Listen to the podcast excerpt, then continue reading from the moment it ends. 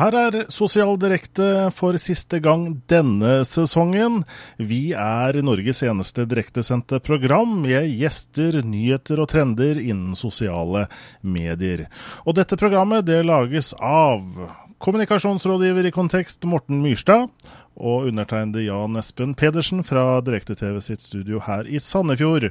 Og vi har som vanlig med oss Jannike Vindnes Karlsen, medieviteren i Bergen, som hjelper til med det redaksjonelle. Som sagt, altså det siste programmet før sommeren, og vi skal avslutte denne sesongen med en bukett av flotte mennesker. Morten, vi kan jo kanskje si litt om hvem vi har med oss? Ja, Vi skal jo først ha en hovedgjest, da, som er Nina Furu fra webgruppen Nettredaktørskolen. En av eh, våre internettveteraner i Norge. Eh, og så skal vi ha et panel hvor også Nina er med. Eh, og i tillegg da Thomas Moen fra Good Morning, som da kommer inn fra Cannes. Vi har med oss Magnus Brøyn fra Coxit. Vi har med oss Astrid Valen Utvik fra Valen Utvik. Og vi har med oss Ingvild Moen fra Resonate. Så det er et panel på fem personer som da skal være med å og sette litt søkelys på sosiale medier akkurat nå, tenker vi. Det gleder vi oss til, og vi gjør jo dette her direkte. Og det betyr at du som ser på direkte, du kan være med å påvirke. Du kan være med å stille spørsmål, gi dine kommentarer inn til oss på hashtag eh, eh sosialdirekte. Eh, eller alternativt emneord sosialdirekte, som vi har blitt så glad i å si her. Eh, Sosialdirekte, der følger vi med på Twitter, men eh, nå er det jo også støttet av Facebook, da, dette emneord, eh, emneordet, sånn at vi, eller emneknaggen, sånn at vi skal prøve å følge med i alle kanaler. Jeg vet Jannik er flink til det, men det er vel primært Twitter vi fokuserer på underveis i denne timen. Så bruk det flittig, og så skal vi fange det opp og bringe dine spørsmål videre til våre supre gjester nå i kveld.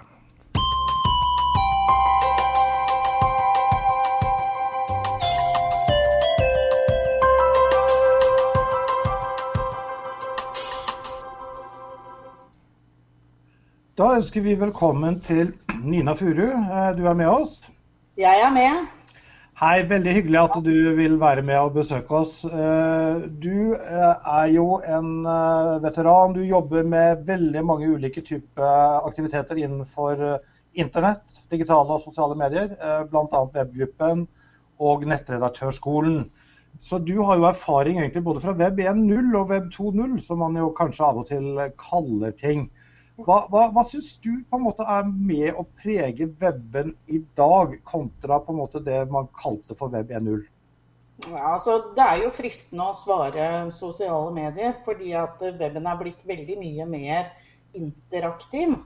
Samtidig så syns jo jeg som gammel nettredaktør selv, jeg har vært nettredaktør i flere magasiner før jeg liksom begynte for meg selv og webgruppen og den biten, men um, for meg som redaktør så er det ganske interessant å se liksom, hvordan den eh, rollen som redaktøren hadde i gamle dager, nå er litt sånn en rolle som alle har.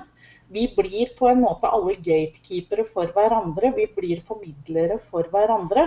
Og det skillet mellom avsender og mottaker, det er i ferd med å viskes ut. Og jeg syns jo at det er en spennende ting.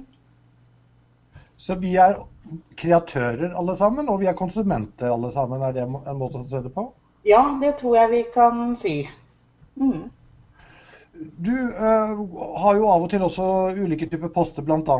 på Hegnar. Uh, her for noen uker siden så var du ute og beskrev det du kalte for dagens metatrender, som du kalte for individualisering og atomisering. Yes. Da begynner det å bli litt vanskelig. Hva, hva er atomisering i, i, i dine øyne? Atomisering er jo egentlig at ting blir brutt opp i mindre og mindre biter. Og du kan jo si at liksom for kanskje 70 år siden så hadde man film, ikke sant. Og så for 50 år siden så fikk vi TV, og, og en film var halvannen time. Et TV-program kanskje en time, en halv time. Og så får du YouTube, hvor ting kanskje varer da i ti minutter eller der omkring. Og så har du Vine nå, hvor du liksom er nede på seks sekunder.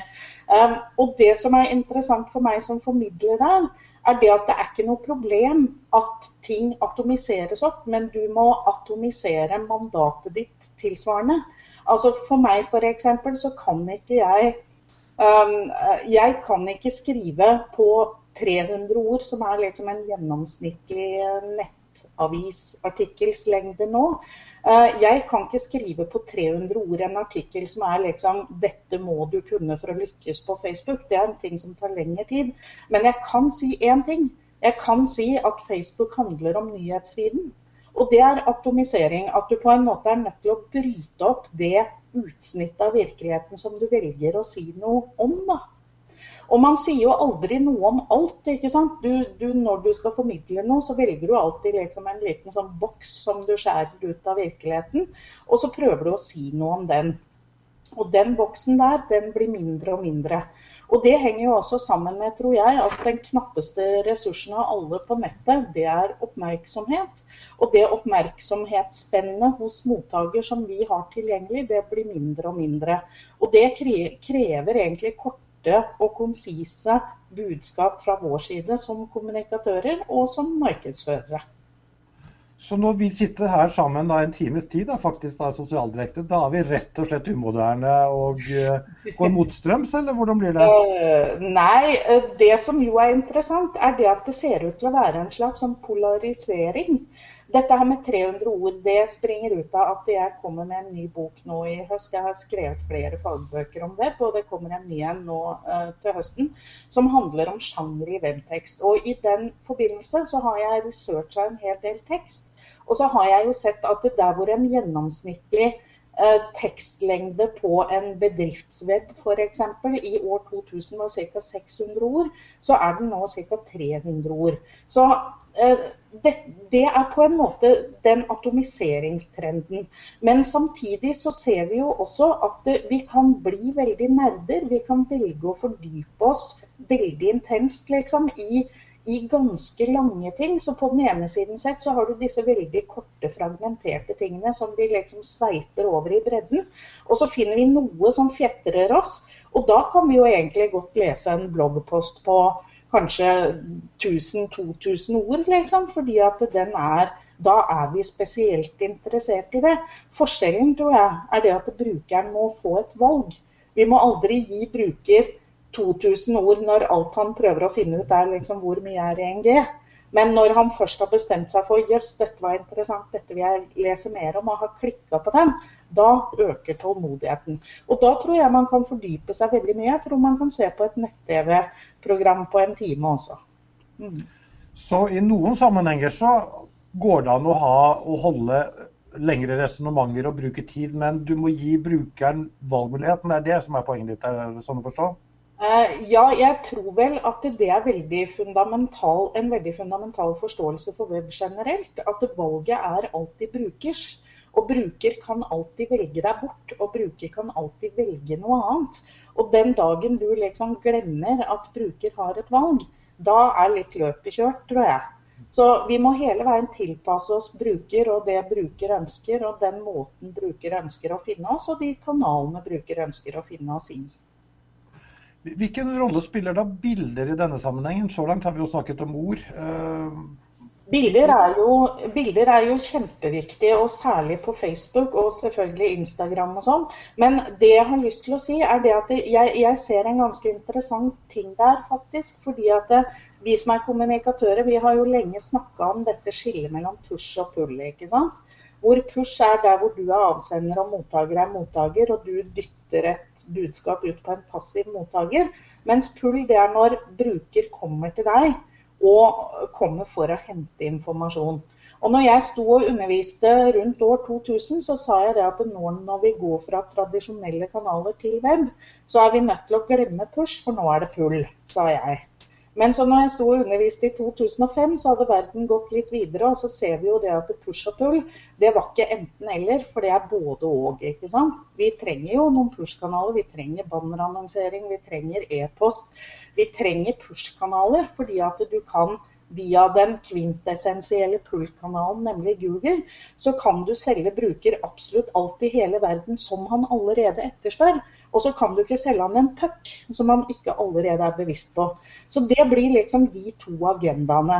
Og i sosiale medier så bruker vi jo gjerne dette begrepet permission push. At du får tillatelse til å dytte et budskap på noen. Og jeg gir deg den tillatelsen ved å like deg på Facebook f.eks. Eller ved å følge deg på Twitter. Og det som skjer da, er det at det vi vel egentlig begynner å se konturen av nå, er det at Facebook er en glimrende push-kanal. Facebook er en glimrende kanal for å foreslå noe for bruker som bruker ikke alt har tenkt på selv. Men i den nyhetsstrømmen da, som liksom egentlig nå består av et trangere og trangere aggregat, liksom, et strengere og strengere aggregat av de sidene bruker har lika, av de vennene bruker har, så har vi egentlig igjen et ganske kort tidsspenn å gjøre et inntrykk på. Og der er det jo sånn som min eh, kollega Jakob veldig ofte pleier å si, at det er ikke så mye det at et bilde sier mer enn 1000 ord, men et bilde sier det fortere enn 1000 ord. Og derfor så kan vi når vi skal pushe, når vi liksom bare skal si hei, jeg har lyst til å foreslå noe for deg, så er det kjappere å gjøre det med et bilde enn å gjøre det med en lang harang av en tekst. Og det ser vi jo også på det at det liksom de mest engasjerende Uh, postene på Facebook er jo gjerne bildepostene, ikke sant. Og de tekst, rene tekstpostene scorer dårligst av alle. Mm. Så er det slik at, at, Facebook egentlig er mer av en push-kanal enn det kanskje folk har trodd? Eh, jeg har kanskje definert det mer som en pull-kanal, at du på en måte må engasjere. Du må ha en tosidighet i dialogen. Jo, du kan, en tosidighet er bra. Men jeg Altså, vi, vi jobber jo mye ut fra brukeratferd nede hos oss. Og det jeg tror er ganske tydelig, er det at bruker har to, to modi, om du vil. To måter å bruke nettet på. Uh, og det ene er den spesifikke informasjonsinnhentingen, og det andre er den uspesifikke informasjonsinnhentingen. Vi kaller det også ofte jegere og samlere. Fordi at når, jeger, når bruker er en jeger, det er han når han vet hva han lurer på. Når jeg lurer på hva er symptomene på meslinger, hvor mye er NG, når åpner Rema på lørdag morgen, liksom. Når jeg lurer på de helt konkrete tingene, da er jeg en jeger, og da velger jeg meg pull-kommunikasjon. Altså Da velger jeg å finne den ene tingen jeg lurer på, og der er Google kongen. Og det må vi bare si. at det, Google er, er, tross alt den viktigste trafikkanalen for veldig veldig mange selskaper. Og Google er kjempesvær på det, fordi at Google er førstevalget når jeg driver spesifikk informasjonsinnhenting. Men det er den ene modusen. Og så har vi den andre modusen, nemlig samlemodusen. Og da er ikke jeg ute etter å finne ut noe helt spesielt. Det er da jeg egentlig bare lurer på hva er nytt? Hva skjer av? liksom? Og den derre hva skjer av-agendaen. Den kan jeg godt få tilfredsstilt f.eks. på Facebook, eller for den saks skyld på forsida på VG. fordi at jeg går jo ikke dit fordi jeg vet hva som er nytt, jeg går dit for å finne ut hva som er nytt. Og det er to distinkte modi. Og jeg mener jo at når bruker er jeger, da må du praktisere pull-kommunikasjon. Når bruker er samler, da kan du drive push-kommunikasjon. Og i pull er det tekst og søkeord og triggerord, og i push så er det bilder. Så dette må merkevarene da skjønne når de på en måte jobber med sosiale medier, at uh, brukerne har egentlig begge modusene, uh, og finne en balanse mellom dem da på en eller annen måte. Ja, altså jeg, jeg, tror jo kanskje at det er viktig å huske på det, fordi at vi, det er ikke enten eller, det er både og. Du trenger websida di, du trenger å jobbe med Google og jobbe med jegermodusen og den der spesifikke informasjonsinnhentingen. Og så trenger du å jobbe med push-modusen mot liksom samler Nei, jeg mener push-kommunikasjon mot samlermodusen. Og der er jo kanskje Facebook, og der er kanskje Instagram, og der er kanskje en del eh, av disse kanalene her som bruker kommer til ikke for å finne ut noe spesielt, men bare for å se hva som er nytt. Da snakker vi om på en måte hvordan man skal ha, jobbe innenfor et medium som f.eks. Facebook. Hva, hva med Facebook i en større sammenheng mot nettstedet, mot e-marketing? Du har jo holdt en del foredrag om samspill mellom kanalene. Hvordan skal man jobbe med samspill mellom kanalene? Ja, Det er vel kanskje den vanskeligste nøtta å knekke. Fordi at Målsettingen for å jobbe med det samspillet der, er jo det vi kaller right touching. ikke sant? At du treffer riktig bruker med riktig budskap i riktig kanal på riktig måte til riktig tid. Og hvis du vet hvordan du gjør det, så må du ringe meg. fordi at eh, det er ikke en sånn standardoppskrift som noen har. Men jeg tror at én måte å tilnærme seg det på, det er at man tenker modiene jeger og samler. At du tenker push og pull. At det er to forskjellige ting. Og at det er to forskjellige måter å drive kommunikasjon på i forskjellige kanaler. Og så er det ikke enten-eller, det er både og.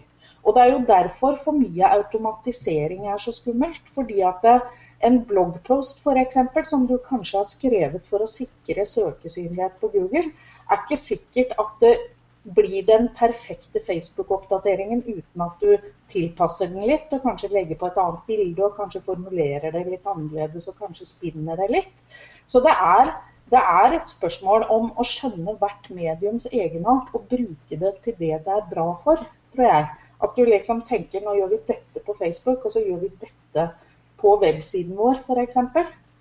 Eh, jeg mener jo også at ganske mange som har corporate sites, ville egentlig gjort veldig lurt i å putte nyhetene sine på Facebook. De vil jo bo på weben, for du må ha en landingsside for dem. liksom.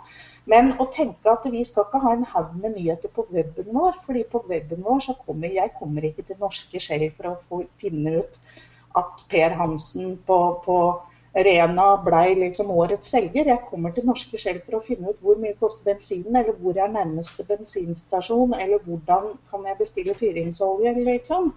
Um, så hvis de konsentrerer seg om brukerscenarioer og pull-agenda på websiden sin, og heller kjører push-agendaen sin på Facebook, så tror jeg verden blir et bedre sted.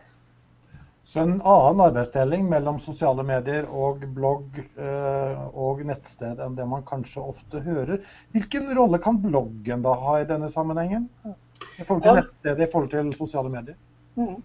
Um, jeg liker jo egentlig å tenke på en kjøpstrakt, faktisk. Jeg har, jeg har, en formel som jeg har brukt i flere av bøkene mine, og som det står en del om på nett som jeg har skrevet og som andre har skrevet på.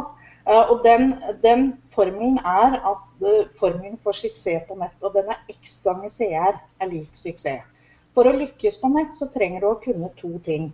Du trenger å jobbe med X-variabelen, som er trafikk, og så trenger du å jobbe med CR, som står for konverteringsrate, som altså er prosentandelen av brukere som gjør det du vil de skal gjøre på websiden din.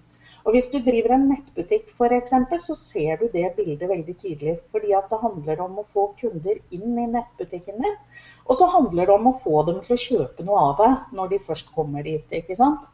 Og noen kanaler påvirker X. Noen tiltak påvirker X. Vi bruker dem fordi at de skaffer brukere inn til konverteringsflatene våre. Og de kanalene som vi bruker til det, det kaller vi jo da ofte spredningskanaler. Fordi at vi bruker dem til liksom å spre innholdet vårt ut. Men så har vi andre kanaler som vi kaller landingskanaler, som er konverteringskanaler som påvirker konverteringsraten.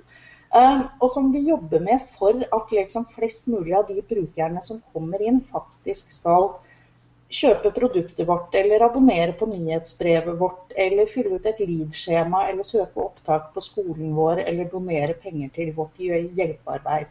Så du har trafikkanaler, og så har du konverteringskanaler. Og de henger jo sammen i form av en kjøpstrakt, egentlig, hvor trafikkanalen er høyt i trakta, og hvor konverteringen er i bånn av trakta. Og der tenker jeg som så at du har jo Driver du direkte salg på web, så har du nettbutikken din. Den er i bånn av trakta. Hovedkonverteringen er i bånn av trakta. Og så har du sosiale medier høyt i trakta. Det er der du på en måte treffer bruker med nye forslag. Og så er jo greia det at for meg f.eks. Jeg lever av å holde kurs. Vi selger kurs nede hos oss, ganske mange av dem òg. Eh, og for meg å poste på Facebook hele tiden 'kom på kurs, kom på kurs, kom på kurs', det blir ganske kjedelig. Så for meg så er det mye smartere da å skrive et blogginnlegg hvor jeg f.eks. sier slik velger du riktig type Facebook-side å lage. Og så kan jeg heller poste på Facebook at jeg har lagd det, det blogginnlegget. Fordi at da kan jeg bygge det som vi kaller persuasive path, en sånn sti av lenker for bruker inn i kjøpstrakta di. Hvor altså da bruker finner denne posten på Facebook, syns den ser interessant ut, klikker seg inn på blogginnlegget, leser blogginnlegget, og så nederst i blogginnlegget så står det en strek, og så står det PS, dette har vi forresten kurs i, klikk her for å se våre kurs om Facebook. Og så kommer du på en måte inn i websiden min og kjøpstrakta, nettbutikken og den biten der. Men Bra. Vi har med oss deg, Nina Furu. Og du som ser på, du kan være med å stille spørsmål til Nina hvis du har eh, noe du lurer på.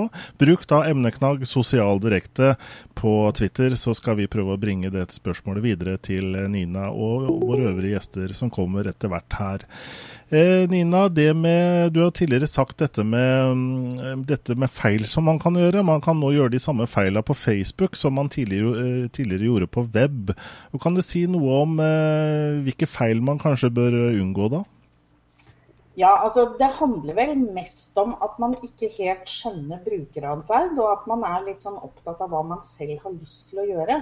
Og ikke tenker fullt så mye på bruker, og hva bruker kommer for å finne. Da. Så, så jeg tenker at eh, vi, vi, så liksom I gamle dager så lagde man jo paradoksalt nok Vi klagde på 90-tallet over at folk lagde print på web. De gamle websidene, det var veldig mye sånn brosjyren din klint på web, liksom. Funker ikke helt perfekt. Uh, og så ser vi jo også nå at uh, folk håndterer jo søren meg Facebook-sider som om de var websider nå. Og det blir jo akkurat like feil. Sånn som f.eks. at folk er superopptatt av hva de skal ha i appene på Facebook-pagen sin. Hallo, hvor mye klikk har du på den, da? Facebook, eh, aktiviteten på Facebook skjer jo ikke på din side. Aktiviteten på web skjer på din webside, ja, men det er en helt annen agenda. Og hvis du da transponerer den rett over til Facebook, så tror du jo det at liksom, appene er superviktig, og coverbildet må du forandre hver uke og sånn. Eh, men det stemmer jo ikke det. fordi at det som skaper verdien på Facebook, det Facebook handler om nyhetsfeeden. Det er alle de der møtene, det er oppdateringene dine, som henter folk inn i en kjøpstrakt, som skaper et engasjement, som, som skaper en dialog. Så det er på en måte den samme feilen, det er bare med motsatt fortegn, faktisk, paradoksalt nok. Så det å melde flytting fra nettstedet til Facebook, det er ikke noe poeng. Du må sørge for å ha begge deler, egentlig. Ja, jeg, jeg mener jo det. Og det er et sånt spørsmål jeg av og til får, som er kan vi droppe webside og bare ha Facebook-side? Vi kan ikke det. Fordi at eh, websiden din handler om spesifikk informasjonsinnhenting. Og spesifikk informasjonsinnhenting krever bl.a. en tematisk indeksering. Altså hvis jeg kommer inn på, på nettstedet til skatteetaten, liksom, for jeg har lyst til å finne ut en eller annen regel jeg er nødt til å skatte, skatte av det, f.eks. Eh, da må jeg ha en tematisk måte å orientere meg på. En tematisk måte å orientere meg på krever en god søkemotor, og det krever en god klikkbar hierarkisk menynavigasjon. Den har du ikke på Facebook. fordi at push-kanaler vet du, de har kun ett seleksjonskriterium primært, og det er nyeste først. ikke sant? Det er akkurat som på VG, så finner du dagens nyheter først, og gårsdagens lenger ned. På Facebook så finner du de nyeste sakene først, og så er det selvfølgelig en del andre variabler også i EdgeRank. Men det som, det som, er poenget, er det at eh, jeg kan ikke drive spesifikk informasjonsinnhenting på, uh, av, av, skattereglene til skatteetaten på Facebook. Det blir bare nonsens, det. Så jeg får finne den informasjonen jeg, jeg trenger spesifikt, den kan jeg finne på websiden eller via Google. Og så får jeg heller like skatteetaten, hvis noen gjør det, med all kjærlighet til dem. Eh, men så får jeg heller like skatteetaten på Facebook for å få oppdateringene deres, fordi jeg er regnskapsfører og gjerne vil holde meg orientert om hva som skjer på regelfronten der, liksom. Det er jo også en helt valid greie. Men det er to forskjellige ting. Og vi trenger begge. Så man må både jobbe med sosiale medier, med webber og blogger. Man må både jobbe med søk og sosiale medier som drivere av trafikk. Det høres ganske krevende ut etter hvert. Har folk den kompetansen som skal til for å, å jobbe så mye og bra på tvers av kanalene? Ja, altså Hvis de ikke har den, så kan de jo få den nede hos oss, da. Men eh, nei da. Nå, altså, jeg jobber jo med å kurse profesjonelle webkommunikatører og nettmarkedsførere, liksom. Så selvfølgelig er det mitt svar. At det, det er en men, men, det er en jobb. Det er en fagskolert jobb. Det krever at du skjønner det å være webkommunikatør eller nettredaktør eller nettmarkedsfører eller hva nå enn vi skal kalle denne rollen, community manager, liksom, det krever at du vet ganske mye om web og de forskjellige kanalene. Og at du greier å sondere dette her. og Det er jo derfor større norske selskaper og offentlige etater har ganske mange ansatte som jobber med akkurat det. For det er en fagjobb, liksom. Nina, vi rekker faktisk ikke alle spørsmålene som vi gjerne skulle stilt deg. Eh, og det er tydelig at Oppfordringen er jo da å melde seg på kurs, så får man svar på de spørsmålene. Men du henger jo med oss videre i, i panelet her etter etter liten, uh, et lite avbrekk. Uh, jeg har bare ett spørsmål som jeg har lyst til å stille til slutt. og, og det er dette at du, du, du, sier jo at vi på en måte på sosiale medier så iscenesetter vi våre liv. Uh, er det hele da bare teater? Er det det vi holder på med her òg, egentlig? Jeg tror det på mange måter er sånn vi er. Det er menneskelig sosial atferd, tenker jeg da.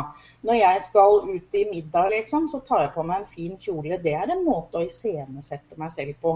Når jeg er på Facebook, så har jeg lyst til å vise fram de tingene jeg syns at reflekterer meg på en positiv måte. Det er en annen måte å iscenesette meg selv på. Det er ikke noe falskhet i det. Det er sant det jeg viser fram, men det er et utsnitt av sannheten. Men alt er et utsnitt av sannheten. Og atomisering betyr mindre og mindre utsnitt av sannheten. Så her er det jo egentlig det er et spørsmål om liksom å vise seg selv fra sin beste side, eller fra den siden man velger å vise fram. Da. Fordi at noen velger jo å være mer sårbare og liksom mer åpne og, og blottstille seg gjennom blogger og sånn, og får jo veldig mye positiv tilbakemelding på det. Så jeg mener jo ikke at det er umulig.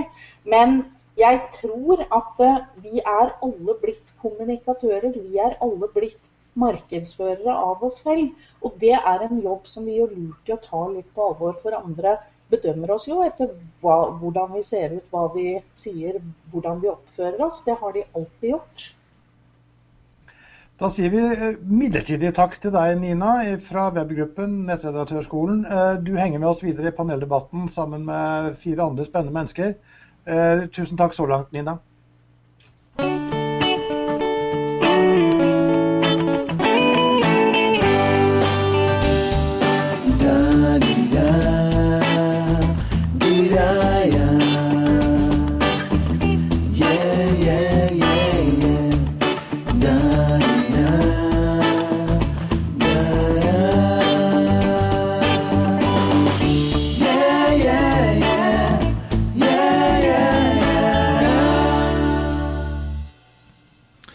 Kort til hva som skjer akkurat nå, og i uh, Over There så skjer det jo ting i morgen. Facebook har annonsert at de skal presentere et eller annet, uh, en eller annen nyhet, og det har vært spekulert RSS-leser, men det blir det vel trolig ikke, Morten?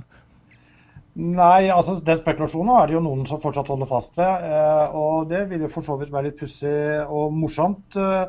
Noenlunde parallelt med at Google eventuelt dropper sin Google Reader. Mm.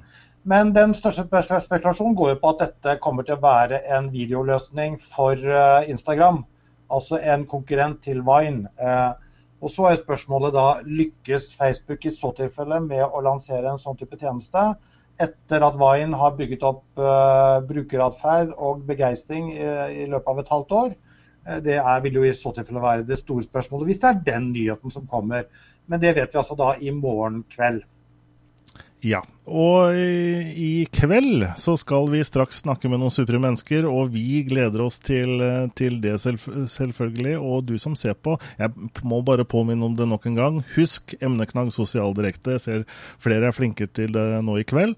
Og, og vær aktive, og still gjerne spørsmål til våre, våre gjester, som kommer veldig, veldig straks.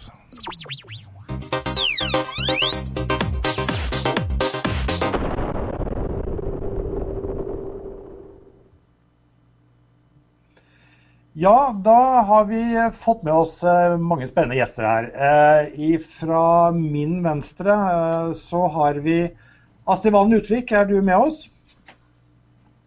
Det er jeg. Der har vi Astrid. Velkommen til panelet. Tusen takk. Du må unmute deg, så skal vi nok høre deg. Jeg har gjort det, men det Hører du meg ikke? Jeg hører deg, Astrid. Ja. Det er mulig ikke Morten gjør det.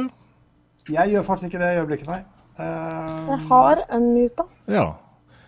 Da, men da tror jeg det er et eller annet med en eller annen bug med Google Plus Hangout. Jeg tror kanskje, Astrid, da hvis du eh, logger fort ut og inn igjen, så, så kanskje vi får, får så Morten hører deg også.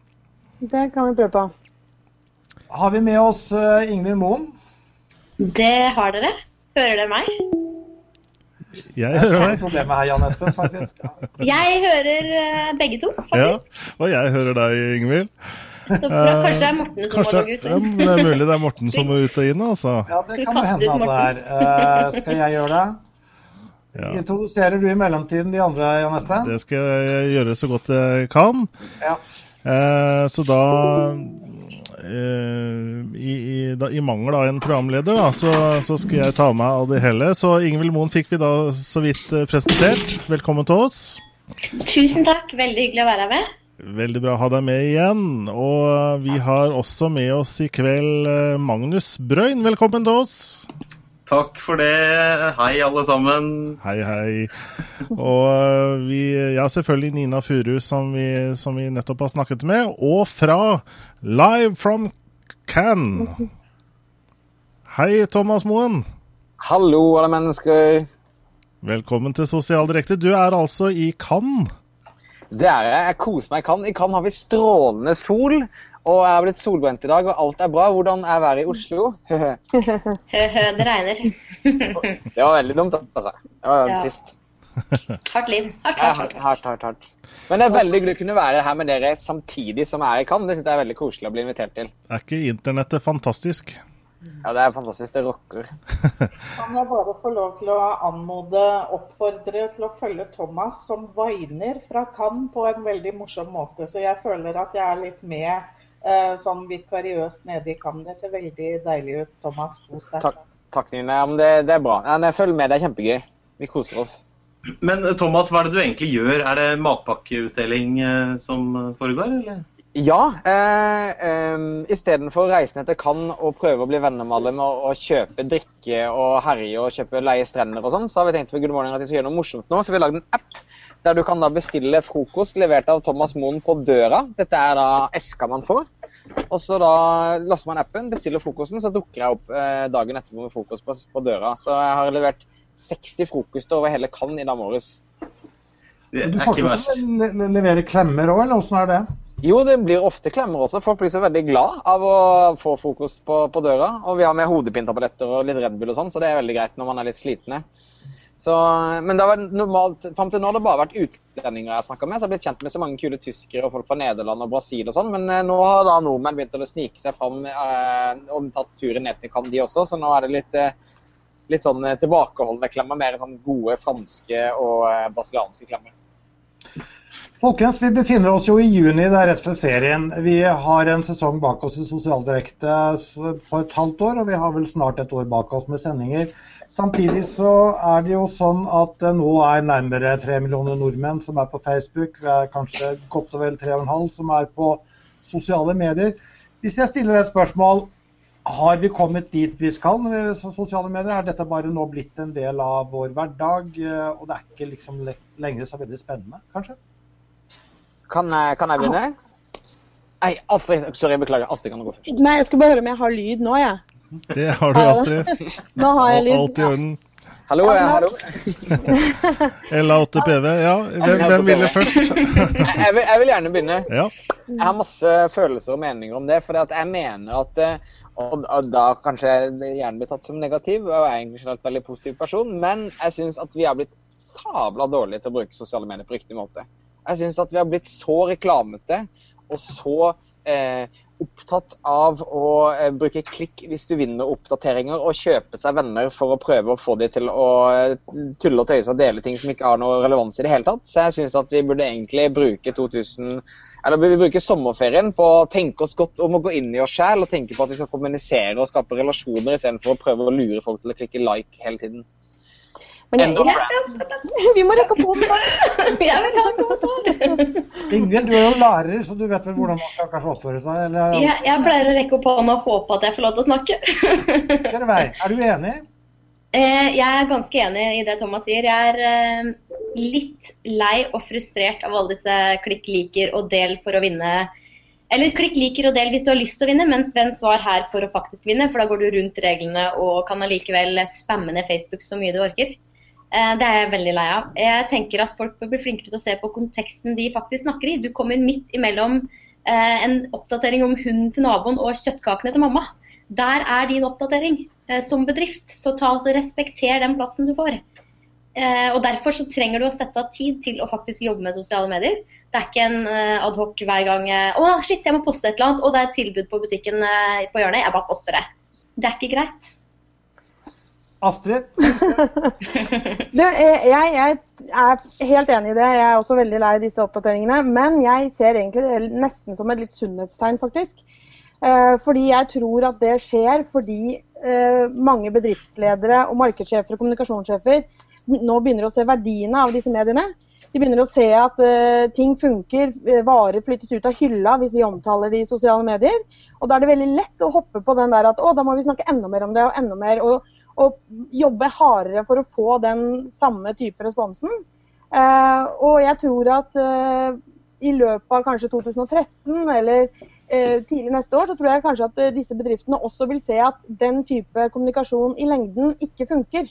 At folk kommer til å bli lei, og at folk kommer til å gjennomskue det. Og at de da er nødt til å begynne å tenke kreativt igjen. Og at de må begynne å legge vekt på det som faktisk skaper verdi for de som følger sidene deres utenom eh, direkte løp- og kjøpreklame. Hans Petter Nygaard Hansen skulle jo egentlig vært med oss i denne debatten, men han måtte da prioritere kona si i kveld. Og, og han lagde bl.a. en bloggpost hvor han eh, beskrev at Facebook begynner å ligne, ligne på en søppeldynge. Øyvind Solstad har jo vurdert å stenge ned en eh, gruppe på Facebook som handler om eh, promotion guidelines til Facebook. Men er ikke dere på en måte, og jeg, en del av dette bildet selv? Er det ikke vi som må gjøre noen endringer i måten vi jobber på i tilfelle? Thomas? Jo, vi må gjøre endringer. Eller vi, vi er jo som alltid kjedelig enige om alt sammen vi snakker om her. Eh, så, så vi er på en måte enige om det, men vi må drive voksenopplæring på kundene våre. Men jeg tror, og nå vil jeg gjerne være litt negativ, nesten bare for å være negativ, men jeg tror at det nesten er for seint. Jeg tror at den troverdigheten som sosiale medier har hatt, er nesten helt borte. Folk ignorerer det på en, på en måte man ville gjort på en billboard eller på en eller annen kinoreklame. Og jeg syns at, at, at, eh, synes at bedrifter burde bruke sosiale medier mindre og mer riktig, istedenfor å satse mer på sosiale medier. For hvis man fortsetter med å da eh, eh, jakte på likes og samle mennesker og kjøpe seg venner på den måten som merkevarer gjør i dag, så i løpet av 2014 så vil vi jo ikke stole på like mye på deg som det er en sånn krill-selger på Karl Johan som prøver å få deg til å melde deg på et årsabonnement der du får tilsendt Kill én gang i måneden i posten. Magnus eller Nina, har dere noen synspunkter her?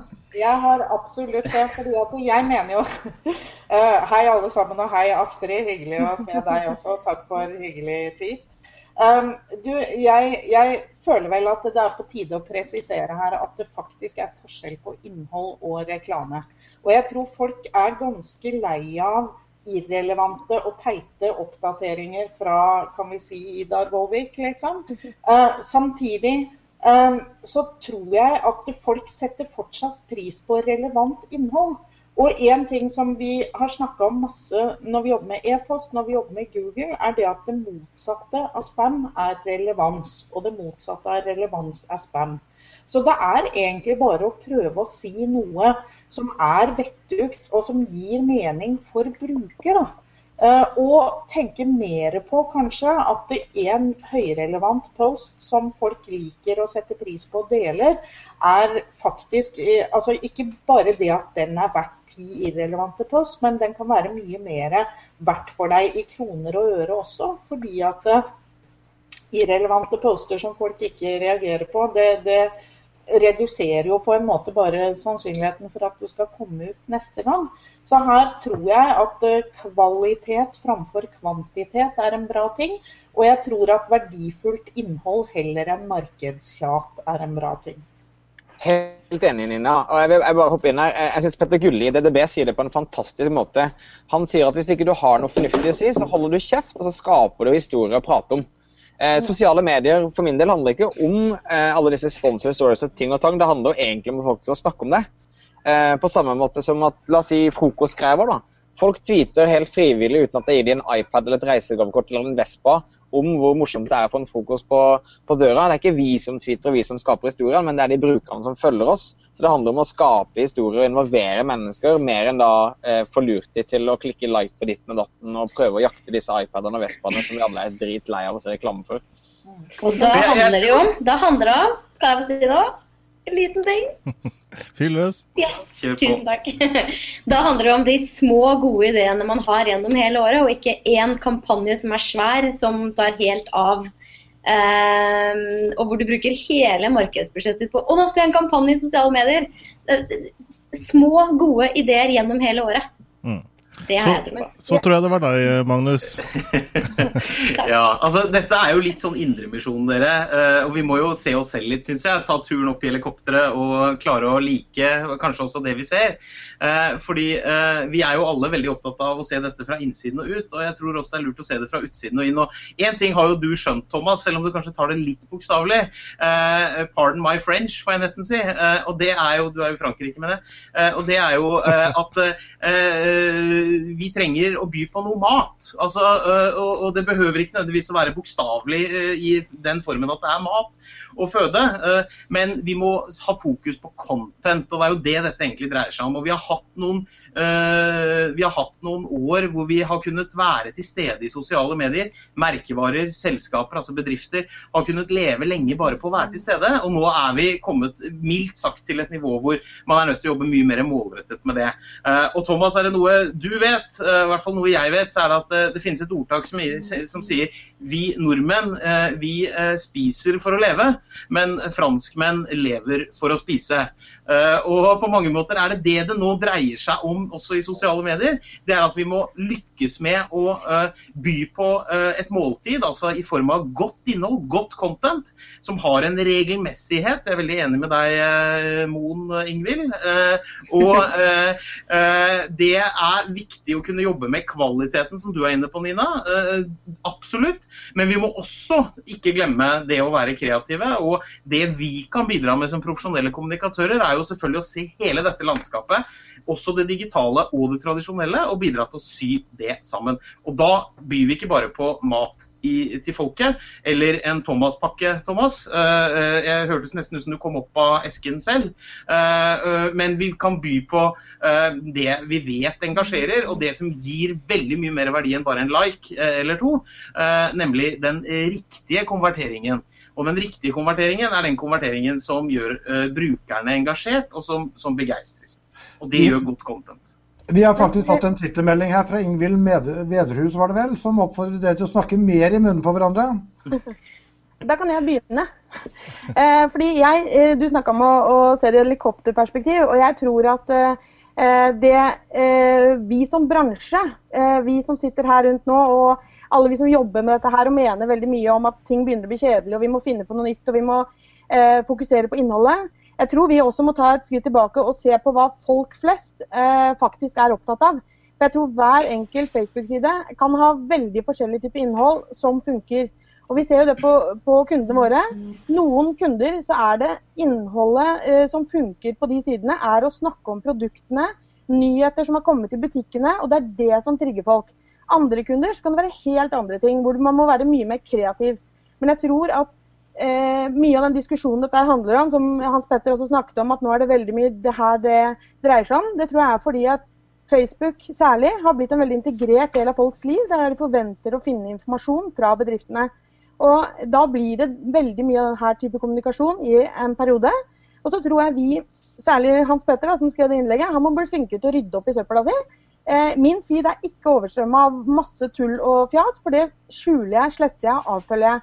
Og jeg tror Hvis folk blir flinkere til å gjøre det, så får de den feeden som faktisk gir de den verdien de er ute etter. Og det er veldig individuelt fra eh, hva jeg er interessert i, og hva andre er interessert i. Det eneste jeg tror da, bare sånn for å komme litt inn og være litt kritisk Har yeah. Ja, er jeg med?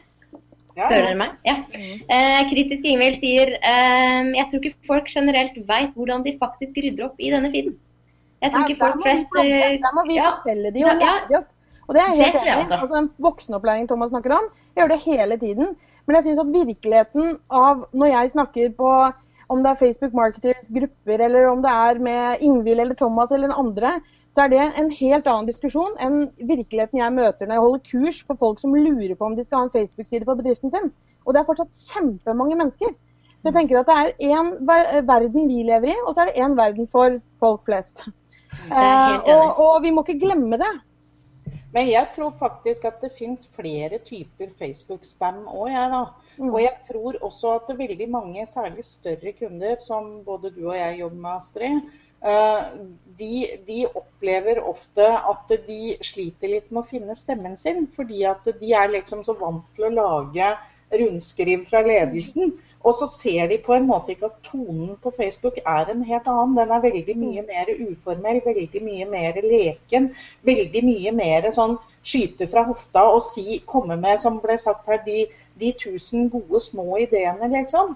Mm. Og Det er derfor alle ser det. Jeg hadde en bloggpost på Hegnar om det også. Dette med å tørre å være triviell. da. Mm. Som jeg fikk en del tyn for. For jeg mener jo ikke liksom bare alt mulig ræl. Men jeg mener faktisk at man må tørre å si at vet du hva, i dag så har vi fått muffins på kontoret. Her er bilde av muffins, og de var kjempegode. Tommelen opp til Bente blir før. Lik hvis du liker muffins. men liksom, dette skjedde hos oss, og vi likte det. Og det ser du jo når du ser på Facebook Insights, at det er jo de eh, bildene der og de der små muntlige greiene som får masse likes. Fordi at det er sånn vi er som mennesker. Vi har lyst til å dele de der små uh, småpraten, liksom. Skjønn mm. at Facebook handler om småpraten og ikke rundskriv fra ledelsen. Det tror jeg hjelper til å lage litt mindre søppel òg. Men dette handler jo om, om, respekt for de ulike kanalene og respekt for brukerne. Yes, yeah. Der er det bl.a. to Twitter-meldinger som nettopp spør om det. Eh, at For det første så er det selgeren, altså Allan Fasot, som var eh, på besøk hos oss eh, forrige onsdag. Han spør om er ikke dette bare en unik mulighet til å differensiere seg, til å skille seg ut. Mm. Og så er det Karsten Fiel som føler at vi nå snakker om sosiale medier som én ting, dvs. Si altså det er bare Facebook. Er det mer variert og mer mangfoldig enn som så? Det er jo ekstremt stor forskjell på hvordan du skal være på Instagram, Twitter og hva du skal dele på Facebook, og hvordan du tagger og bruker hashtag. Så Det er jo så mange forskjellige ting som man må ta hensyn til. Ja, så du kan ikke, ja, Hvis du autoposter, så da jobber ikke jeg med deg. Da, mm. det, det, det, gidder jeg ikke. Da, da du, det, det går ikke. Du kan ikke autoposte ting. Slutt! Du kan bruke litt if this then that, da. Uh, jo, ja, du kan bruke samme innhold, men du må skrive det annerledes på Twitter enn på Facebook. Uh, ja, ja, altså du bør det. Men uh, jeg vet ikke om noen av dere følger Guy Kawasaki på Twitter. Han er jo liksom en sånn innholdsguru av dimensjoner. og han hadde en bloggpost her for et par uker siden hvor han beskrev hvordan han jobba delvis automatisert med en del kanaler. Eh, og han er i verdensklasse. Altså. Så jeg mener ikke at du kan ikke automatisere noen ting. Jeg tror faktisk du kan det. Og i en travel hverdag hvor du sitter og sjonglerer 18 ting, så bør du faktisk eh, Eller så, så, så, kan du gjøre det også. Det betyr ikke at ikke håndarbeid er best. Håndarbeid er best, det mener jeg òg. Men er dette såpass alvorlig for Facebook som plattform at folk begynner å flytte seg, ungdom, til til Snapchat, til Tumblr osv. Og, så og andre målgrupper til Twitter, til LinkedIn, til Google pluss? Uh, kan jeg, jeg, jeg, Ingvild, eh, navnesøster, du opp hånda. Ja, kan jeg få lov? Ja, det er greit. Tusen takk. Jeg var i et bryllup i helga, nemlig. Og Der satt jeg ved siden av eh, to 15-åringer. Og det var utrolig interessant. Eh, for de fortalte nemlig hvordan verden egentlig er. Og de sa at de bruker Facebook fremdeles for å vise foreldrene deres hva de gjør. Og så bruker de Vine og Instagram for å vise vennene deres hva de driver med. Så det er sånn 15-åringene visstnok gjør. og jeg har en 18-åring i huset, og han bruker jo spillkonsoller som sosialt medium mer enn noe annet. Så her er det jo Men der også er jo den der trenden atomisering, faktisk. At, eh, at man kanskje bruker mediene, i hvert fall unge brukere, bruker mediene helt spissa til én enkelt ting. Eh, og heller bruker flere medier og bruker hvert medium til én eh, eller to ting, liksom. Ja, uh, Facebook er jo ikke sosiale medier. altså Det finnes jo masse andre ting. Det er jo både hvordan man bruker og snakker. og Det kan være på Xboxen eller det kan være over Snapchat eller Wine eller hva som helst. Det er jo bare at folk prater sammen. Eh, og Facebook er for meg er det den på en måte levende kontaktboken min, der jeg har kontakter og hvem jeg kjenner. Det er ikke vennene mine, men det er relasjonene mine, folk jeg snakker med og sånne ting. Men det jeg tror er litt skummelt, og som jeg tror at Facebook må tenke litt på, det er jo at vi at merkevarer nå må bruke mer og mer penger for å kunne nå ut til folk. Det holder ikke lenger å skrive en eller annen grei oppdatering. Man er nødt til å booste det med 5 dollar eller 10 dollar hele tiden, som gjør at det blir dyrere og vanskeligere å bruke. Eh, som gjør at de egentlig burde bruke mer tid på å si mer fornuftige greier, men de burde mer på å investere i mer penger for å si mer lik hvis du liker, og så ender du på en sånn ond sirkel av bare skikkelig mye dårlig content som blir spydd ut. Så jeg tror Facebook har en utfordring med at nå merkevarer oppdager at det begynner å bli dyrt, og det er ikke gratis lenger å bruke Facebook, som merkevarer kanskje trodde senere, nei, tidligere. Mens nå eh, handler det mye mer om at du faktisk må betale for å få contentet ditt sett. da. Men Thomas, du for din egen del har jo begynt for å blogge på Mention. Det er jo sikkert en plattform som folk flest ikke aner noen ting om. Hvorfor, hvorfor har du gjort det? Ja, eh, altså det, det er med til Medium. Medium, Eh. Medium, Medium er en fantastisk sånn, sånn plattform der jeg på en måte får lov til å uttrykke meg skrive om ting som jeg normalt kanskje ikke skriver andre steder. Men det er da et sted som har som hovedfokus å trekke fram bra innhold. De regner da ut hvor mange prosent som leser innlegget, som leser hele innlegget, eh, hvor mange som anbefaler det og deler det. Han har helt andre rytmer til å få fram eh, godt innhold, og godt innhold blir på en måte automatisk eh, belønna. Eh, For meg det er utrolig befriende å kunne skrive der istedenfor på andre steder. Og meg personlig, jeg får ikke noe spesielt ut av Facebook i det hele tatt. Det jeg får noe ut av hvis jeg skal tenke om sosiale medier, det er faktisk min e-postliste. Min e-postliste er den som får meg til å ha mest dialog og lengst gode samtaler med folk jeg følger, og som også skaper best konverteringer i forhold til kurs eller andre ting jeg gjør. Så er det på en måte via e-postlisten min, old school e-mail, som faktisk gir meg de beste resultatene. Men det må vel også være noen gode forbilder her, folkens. Eh, har dere noen caser, noen bedrifter, virksomheter, organisasjoner som dere syns gjør det bra for tiden? Ja, jeg vil jeg bare hoppe inn her igjen. Eh, jeg vil si at det er kanskje de som bruker Facebook på rikt, mest riktig måte, og som på en måte har forstått eh, hvordan man bruker Facebook, det er Red Bull og GoPro. Som, lager, eh, som gjør kundene sine til heltene sine og bruker kunden sitt innhold til å fremheve og skape engasjement og bygge stolthet over å bruke produktet. Mye mer enn å eh, lure folk til å eh, få tilbudet på sykkel til halv pris osv. Jeg vil kanskje nevne også Nike, som jeg synes Nike running-pagen og sånn. Jeg er kjempeflinke til å inspirere folk til å bevege seg mer. Da handler det ikke om å kjøpe den billigste skoen til Nike eller et eller annet her. Det handler om å inspirere folk og få folk til å føle seg til en del av en bevegelse. Norske, norske virksomheter, da? Da kan noen andre si noe. Nå ble det veldig stille. Det, faktum er vel egentlig at det er eh, vanskelig å finne de helt knallgode norske eksemplene, syns jeg i hvert fall. Men Jeg har et. rett. Kjør på. Ja. ja. Um, følger dere Pepsi Max? For eksempel. Pepsi Max. Jeg, det, vet, jeg, er ikke, jeg tror jeg vet hvem som jobber med det, men jeg er ikke 100% sikker. Jeg syns de er veldig flinke. Jeg syns Pepsi Max eh, gjør en veldig bra jobb eh, på Facebook, blant annet. Det er jo social media som gjør Ja, det er det. Det var det jeg trodde. Det var det jeg trodde at det var eh, Yes. De er, det syns jeg er et kjempegodt case. Jeg syns jo det er litt vanskelig Å ja. Hva sa du? Hva er det de gjør som er bra, Ingvild? Eh, de tar Jeg har lest bl.a. at sånne SoMe e-cards de funker superbra på Facebook. Det har de gjort. De har Hva var det de posta? Et eller annet med at Love at first sight, og så var det et Love at Pepsi Max. Altså de, de putter Pepsi Max i situasjoner hvor brukerne allerede bruker det. De tar bilde av Pepsi Max på Rema, på handlebåndet, putter på Instagram-filter, sånn at det ser ut som en naturlig del av feeden. De eh, bruker det som om det er altså De, de vet, de respekterer plattformen, som er Facebook. De respekterer også Twitter og Instagram for det det er, og så bruker de plattformene til det de er best på.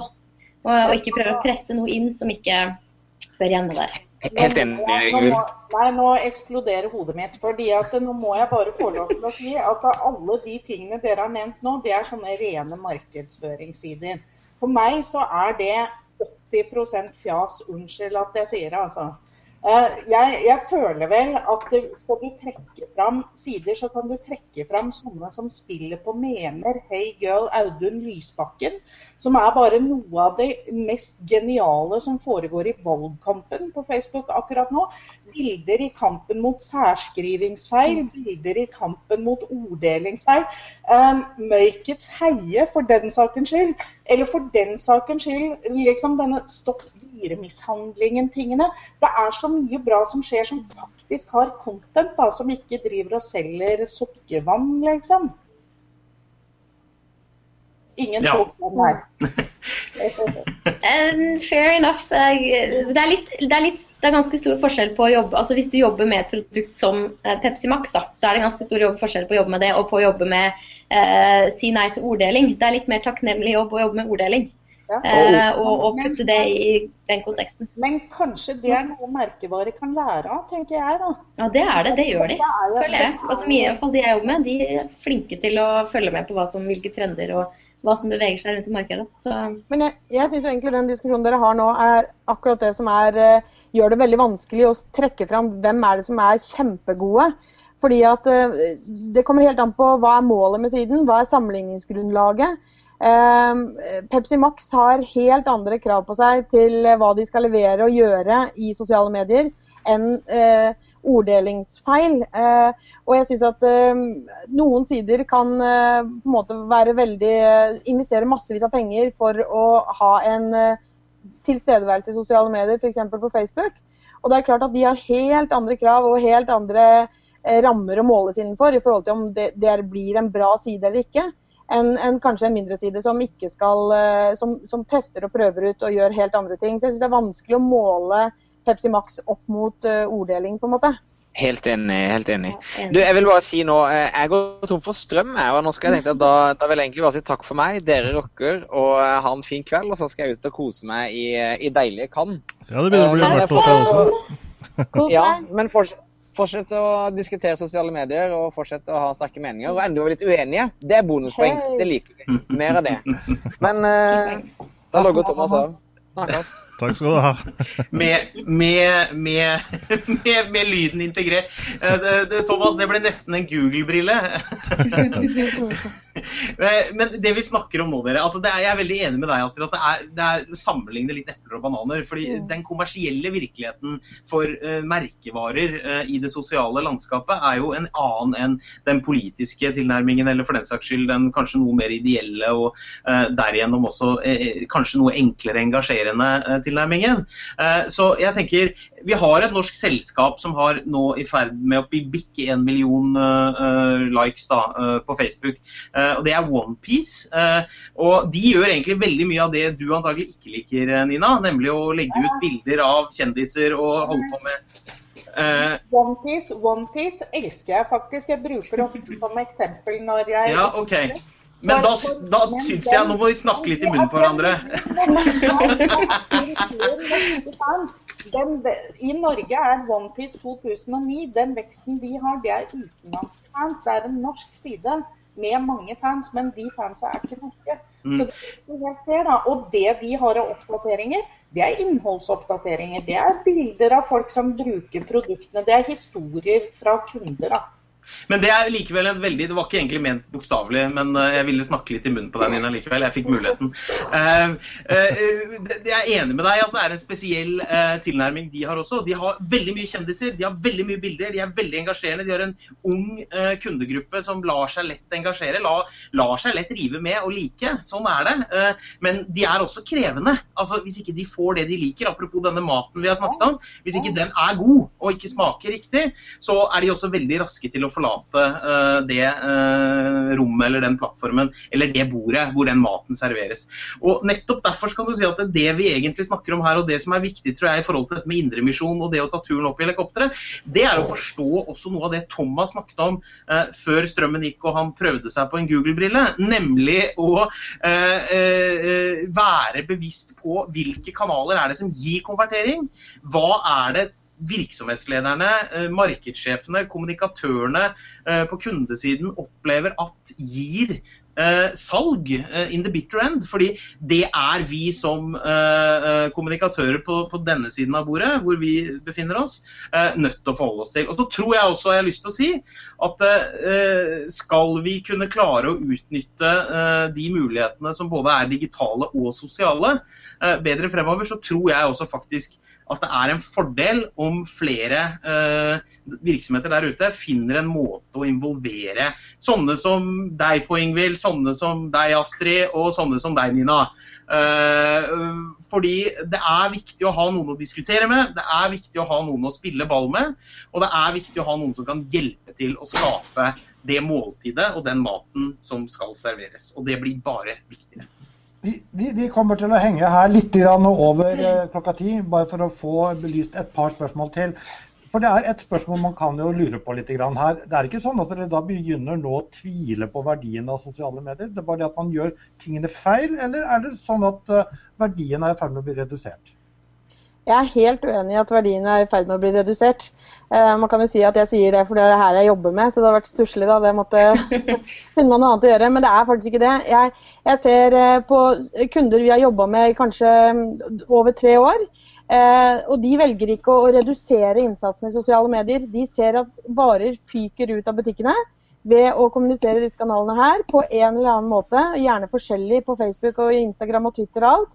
Eh, og de velger heller å ansette folk istedenfor å bruke oss, fordi at de vil ha enda mer trykk i disse kanalene. Og Det er ikke bare ett eksempel, men det er flere. Så det, det, jeg tror det her bare blir viktigere, men at vi hele tiden må selvfølgelig lære underveis og forandre oss og være kreative og ta målgruppen vår veldig på alvor. Men jeg tror, jeg tror, det du sier der er veldig viktig. Og jeg syns jo ofte at selv om det finnes masse kompetente rådgivere, og deg selv inkludert i A-laget der, liksom, um, så, så, tror jeg at for større bedrifter så er det mer og mer naturlig at denne stemmen, den bor i huset. Mm. Det er folk internt som snakker her. Det er ikke en ting man kan outsource, fordi at det blir fake. Det, det blir på et eller annet nivå fake. Det, det var, der har jeg kommet til. Der, der, der, der, nå kan jeg komme først. Takk. Um, det kommer faktisk veldig an på. Uh, hvis det er en liten bedrift som driver f.eks. business to business og har ti ansatte og jobber veldig målretta mot et spesifikt publikum som de ikke hvor de skal f.eks. jobbe med business uh, eller med employer branding, så bør det kanskje være internt. Hvis det er et kjøpesenter hvor det skal koordineres 200 butikker, så er ikke det nødvendig at det ligger inni en markedsavdeling. Eh, da kan det godt ligge på utsida. Så lenge disse menneskene som jobber med det, er eh, ekstremt engasjerte i det de gjør, og de tar jobben på alvor. Hvis de ikke tar jobben på alvor, da burde det definitivt være internt. Og da bør man kanskje ansette noen. Mm. Men det her, det er ikke noe fasitsvar på det, mener jeg.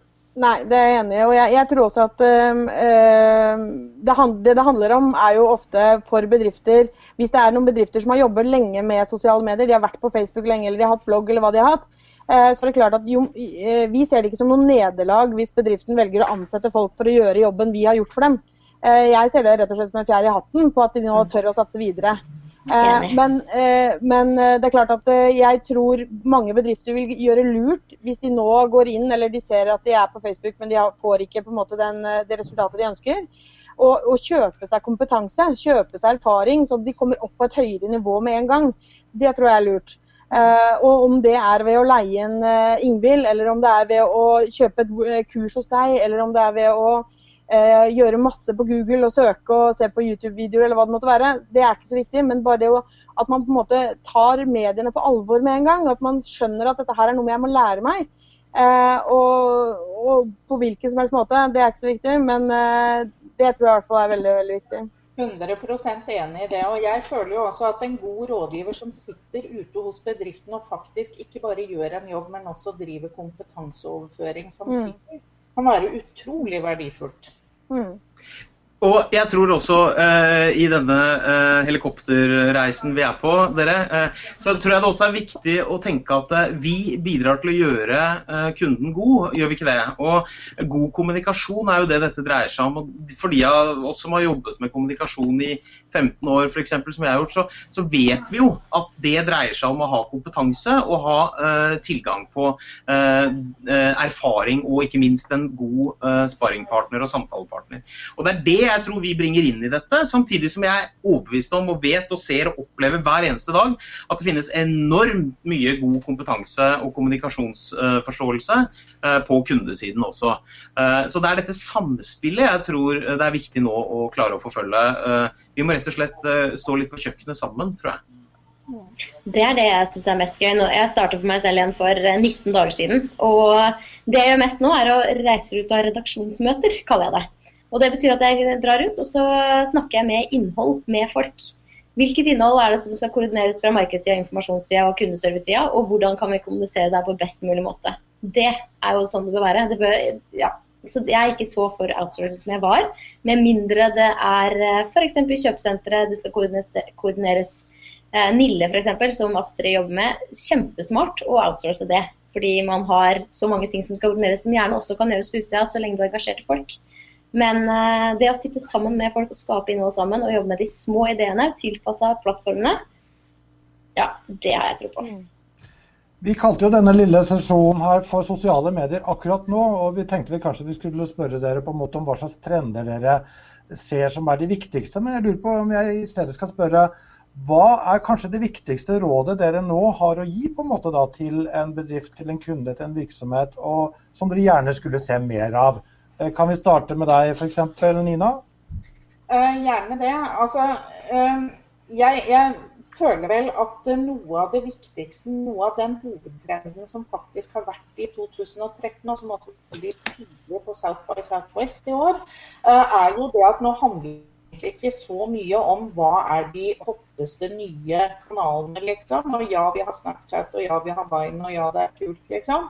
Men det handler ikke så mye om det. Det handler mer om å lande de bollene som vi allerede har i lufta, og bli flinke på å skjønne hvordan Facebook funker, hvordan Twitter funker, hvordan LinkedIn funker, hvordan Google Plus funker. Ferdig snakka, kanskje.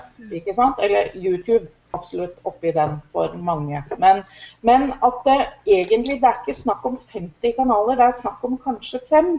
Og hvis du kan de godt, og hvis du får de til å funke, og du kan begynne å jobbe med samspillet mellom dem, og du kan få dette her til å kanalisere inn i en kjøpstrakt som kanskje munner ut i en webside, et eller annet sånt, eh, så, så begynner det å bli butikk og da begynner det å bli morsomt. Så som sagt, ikke så mye det hotteste nye mer litt det er litt skolefri, skjønn greie, liksom. Mm. Magnus, stafettpinn videre til deg. Ja, øh, igjen så er det jo klart vi har vært øh, ganske øh, delende, har vi ikke det i dag, i forhold til å gi råd. Så eh, jeg tenker at eh, vi eh, er i en epoke, en ny epoke hvor teknologien kommer til å bli stadig viktigere. De som ønsker å se et halvt år eller et år frem i tid, er nødt til å begynne å forholde seg til at det sosiale møtet med kunden vil i større grad være at kunden tar på seg teknologien, kler på seg sensorer og andre ting. Og dette kommer til å bli en del av virkeligheten vår, kanskje ikke om et halvt år eller et år, men om noen år. Eh, jeg vil også si at det er viktig eh, å ikke la seg affektere for mye av det. Eh, for vi må ikke komme i en situasjon hvor selskaper løper etter det som hele tiden er det nyeste og det siste. Facebook er på vei eh, til å nå et metningspunkt, det er det ingen tvil om. Eh, Snapchat har kommet veldig raskt. Instagram er en vinner. Eh, Mark Zuckerberg gjorde alt riktig når han betalte en milliard dollar for eh, Instagram for et år siden. Eh, og det er lurt for selskaper og merkevarer å ta et steg tilbake. Gjerne et steg inn på kjøkkenet, la oss kalle det det. Uh, og snakke med noen som uh, er vant til å håndtere vassa verktyg, altså kniver og slikt. Og på den måten klare å lage den salaten som passer for hver enkelt virksomhet. Og ikke være altfor opptatt av hva som kommer i morgen eller i overmorgen, men å utnytte de mulighetene som ligger der i dag. Ingrid? Ja, jeg har et tips som er knytta til det. Fordi En ting som jeg opplever veldig ofte i mange bedrifter akkurat nå, er at folk opplever at andre folk har tatt deres navn i, på bedriftskontor. Så jeg er enig at man skal, hoppe, man skal ikke hoppe på alle trender som finnes. Men det kan være en veldig god idé og et konkret tips å gå inn og reservere kontonavnet.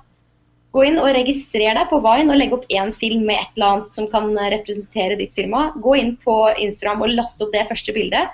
Gå inn og claim ditt navn, sånn at du har det i tilfelle det blir stort. Hvis ikke det blir stort, så er det ikke veien at du har lagt ut et sted hvor du har ett bilde eller én Vine som du selvfølgelig kan stå for, med en link til ditt nettsted, sånn at du vet hvor du skal sende folk, og du har claima det fra før. Så det er på en måte et veldig konkret direkte tips. Gå inn og claim ditt navn og ditt brand, og sånn at du har det. Det er mitt tips. Astrid, da tror jeg siste ord går til deg. Ja. Nei, jeg har, eh, jeg har noen ønsker jeg, for uh, hvordan bedrifter skal jobbe med sosiale medier fremover. Jeg håper at uh, bedriftsledere kan bli mer uh, rause. ikke, så, ikke, ikke, la administrerende direktør stå og hoppe på deg og be deg vise tall på økt salg innen tre måneder. Men jeg tror at mye kan gjøres hvis man klarer å skjønne sosiale medier, selv om det heter sosiale medier. At det ikke nødvendigvis er en markedsrelasjon der, men at det vel så gjerne kan være en kommunikasjon. Og at man da på en måte kan ikke, Litt som Thomas snakket om òg, at uh, det handler ikke kanskje bare om at du skal vise fram ditt produkt og dine tjenester og din egen fortreffelighet, men gi noe som skaper verdi for de som følger deg. Avhengig, altså Finne ut hva menneskene som følger deg, hvem du har lyst til å følge deg, og hva, hva de faktisk er genuint opptatt av, og gi dem det, den type innhold. Um, jeg tror at uh, hvis vi klarer det, å bli litt mer uredde, at vi tør å tulle litt. Og jeg er enig med Nina. Jeg leste bloggposten din og leste Henriette sin. og jeg er enig med mye av dere, eller begge dere i mye. Men jeg er veldig for den der småpraten. Og det betyr ikke så Det var delt et eksempel på Hundai som lurte på om har du kjøpt en is i dag, for det er så fint vær. Det syns jeg ikke er relevant. Hundai er ikke en isbil. Det har liksom ingen relevans. Men, men det er klart at vi kan Eh, Hundai kan vel være isbil, kan det ikke? Det kan godt hende. Jeg er enig med Astrid på det jeg, jeg synes at det, Når vi på en måte deler fra Nille eh, og deler et bilde av en piknikkurv som de faktisk selger, og spør om folk skal ut på piknik, og vi får kjemperespons på at ja, det er fint vær og bla, bla, bla. Den type småprat det er storveis for veldig mange kunder. Eh, men bare det å holde, være litt uredd og tørre å prøve, og det at vi faktisk kan feile, det er det jeg tror vi skal lære mest av. Jeg tror norske bedrifter har blitt altfor redd for å feile. De tror at nå er ting klappet og klart, og nå må vi bare kunne dette her. Og det tror jeg ikke vi kan. Pluss at med en gang du tror du har skjønt det, med en gang du tror du har knekt koden, så endrer Facebook på et eller annet, eller Twitter på et eller annet, eller et, noen kommer en ny plattform, og så kan du ingenting allikevel. Mm. og da må du huske prinsippene som Astrid snakker om nå. Det har jeg tro på. Da klarte du allikevel å få siste ord. Eh, og eh, snakket i munnen på hverandre akkurat da. Kanskje vi kan gjenta denne debatten om et halvt år og se på om det har skjedd noen forandring, eller om, eh, om hvor vi står hen da, når vi er oppe, oppe mot jul. Vi sier tusen, tusen takk til Astrid Valen Utvik fra Valen Utvik, i, til Ingvild Moen fra Resonate, til Magnus Brøyn fra Coxit og til Nina Furu fra Webgruppen. Tusen takk skal dere ha. Takk for oss. Ha det bra. Takk, takk. Hei då.